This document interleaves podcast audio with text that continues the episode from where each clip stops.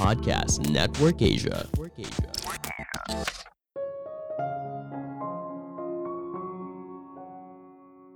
Perjalanan menjadi seorang pemimpin yang hebat tidak berjalan dalam semalam, namun melalui serangkaian naik turunnya kehidupan.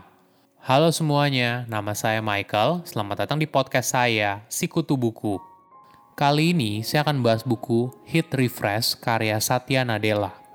Sebelum kita mulai, buat kalian yang mau support podcast ini agar terus berkarya, caranya gampang banget. Kalian cukup klik follow Dukungan kalian membantu banget supaya kita bisa rutin posting dan bersama-sama belajar di podcast ini. Buku ini membahas soal kisah inspiratif seorang anak India bernama Satya Nadella yang di kemudian hari menjadi CEO dari Microsoft, salah satu perusahaan terbesar di dunia. Keahlian bisnis dan kepemimpinannya berasal dari kehidupan sehari-hari, entah itu berasal dari permainan kriket atau seorang ayah yang membesarkan anak dengan disabilitas. Semua hal ini membuat Nadella menjadi pribadinya seperti sekarang dan membentuknya melihat dunia dengan cara yang berbeda.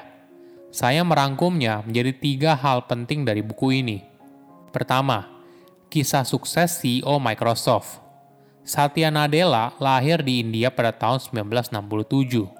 Ayahnya adalah seorang pegawai negeri dan ibunya adalah seorang sarjana bahasa Sanskerta. Namun sebagai anak muda, Nadella tidak tertarik pada profesi orang tuanya. Yang ada di benaknya hanya permainan kriket, sebuah permainan yang mirip dengan permainan bisbol. Seiring berjalannya waktu, impian Nadella untuk bermain kriket secara profesional akhirnya berakhir. Di universitas, dirinya bergabung dengan teman kuliahnya yang memiliki semangat kewirausahaan yang tinggi. Hal inilah yang akhirnya membuat Nadella banting setir dan memutuskan untuk mengabdikan dirinya pada karir di bidang teknologi. Setelah lulus kuliah, dia berada dalam posisi yang dilematis. Di satu sisi, tetap berada di zona nyamannya dan tinggal di India, atau mengikuti nasihat ayahnya untuk pergi mengejar mimpi yang besar. Nadella berkeinginan untuk melanjutkan pendidikan untuk meraih gelas master. Awalnya dia mendapat tawaran dari Bombay University, namun tanpa disangka, ada tawaran lainnya dari University of Wisconsin Milwaukee. Nadella pun tidak berharap banyak karena kecil kemungkinan visa orang India diterima di Amerika Serikat. Tanpa disangka, takdir berkata lain. Dirinya diberikan visa dan pada tahun 1988 akhirnya Nadella pindah ke Wisconsin.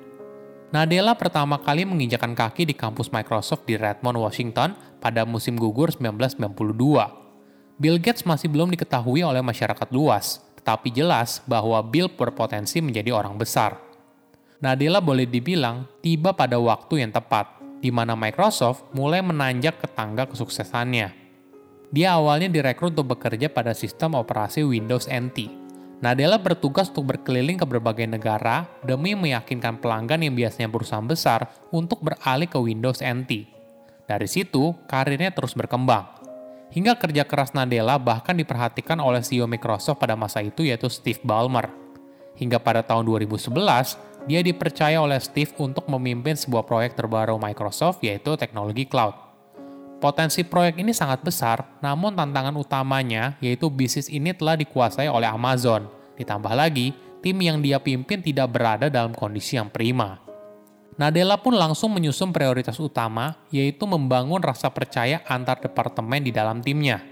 Setiap pemimpin di setiap departemen diminta untuk saling berkolaborasi. Nadella pun mendatangi setiap kepala departemen satu persatu untuk mendengarkan apa masalah yang mereka hadapi. Inilah yang menjadi fondasi untuk menciptakan sebuah lingkungan kerja yang nyaman dan terbuka. Kerja keras Nadella pun membuahkan hasil yang manis. Dalam enam tahun, teknologi cloud Microsoft mencapai 20 miliar dolar atau setara dengan 280 triliun rupiah. Tentunya nilai tersebut sangatlah fantastis.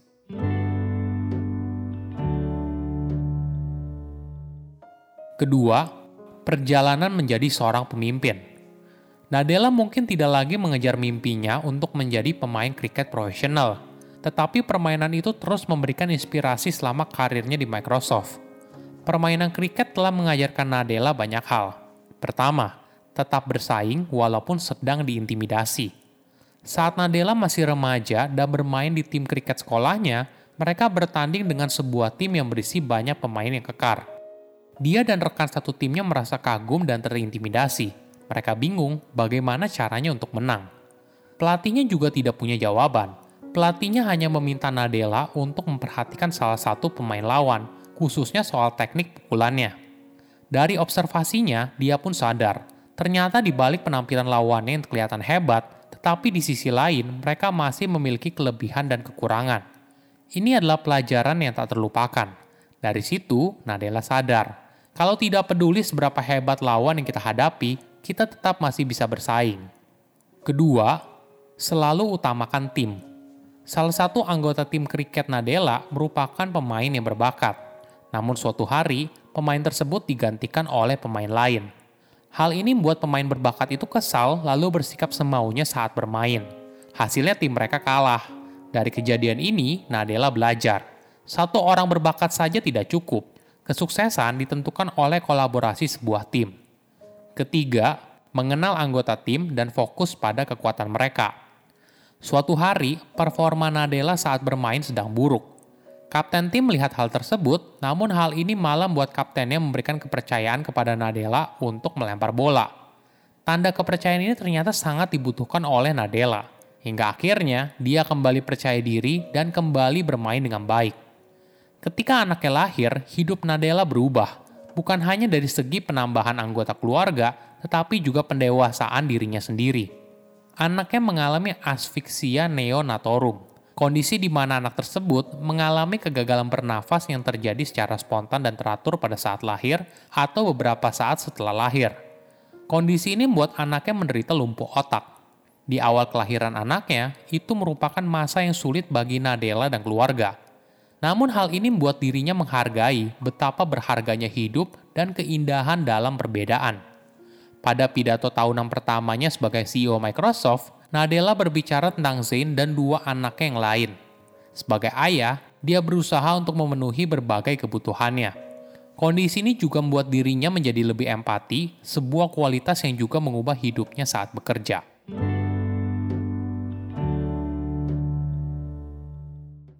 Ketiga, teman dan musuh. Nadella percaya kalau kita harus dekat dengan teman, tapi juga harus berada lebih dekat dengan pesaing. Salah satu tantangan terbesar Microsoft adalah ketika menghadapi para pesaing seperti Apple, Google, dan Amazon. Di zaman dulu, pasti kita harus bersaing habis-habisan tanpa belas kasihan. Namun bukan jalan ini yang diambil oleh Nadella. Sebaliknya, dia memilih untuk merangkul para pesaing dan bekerja sama dengan mereka. Kolaborasi ini tidak hanya menguntungkan Microsoft, tetapi juga bermanfaat bagi dunia.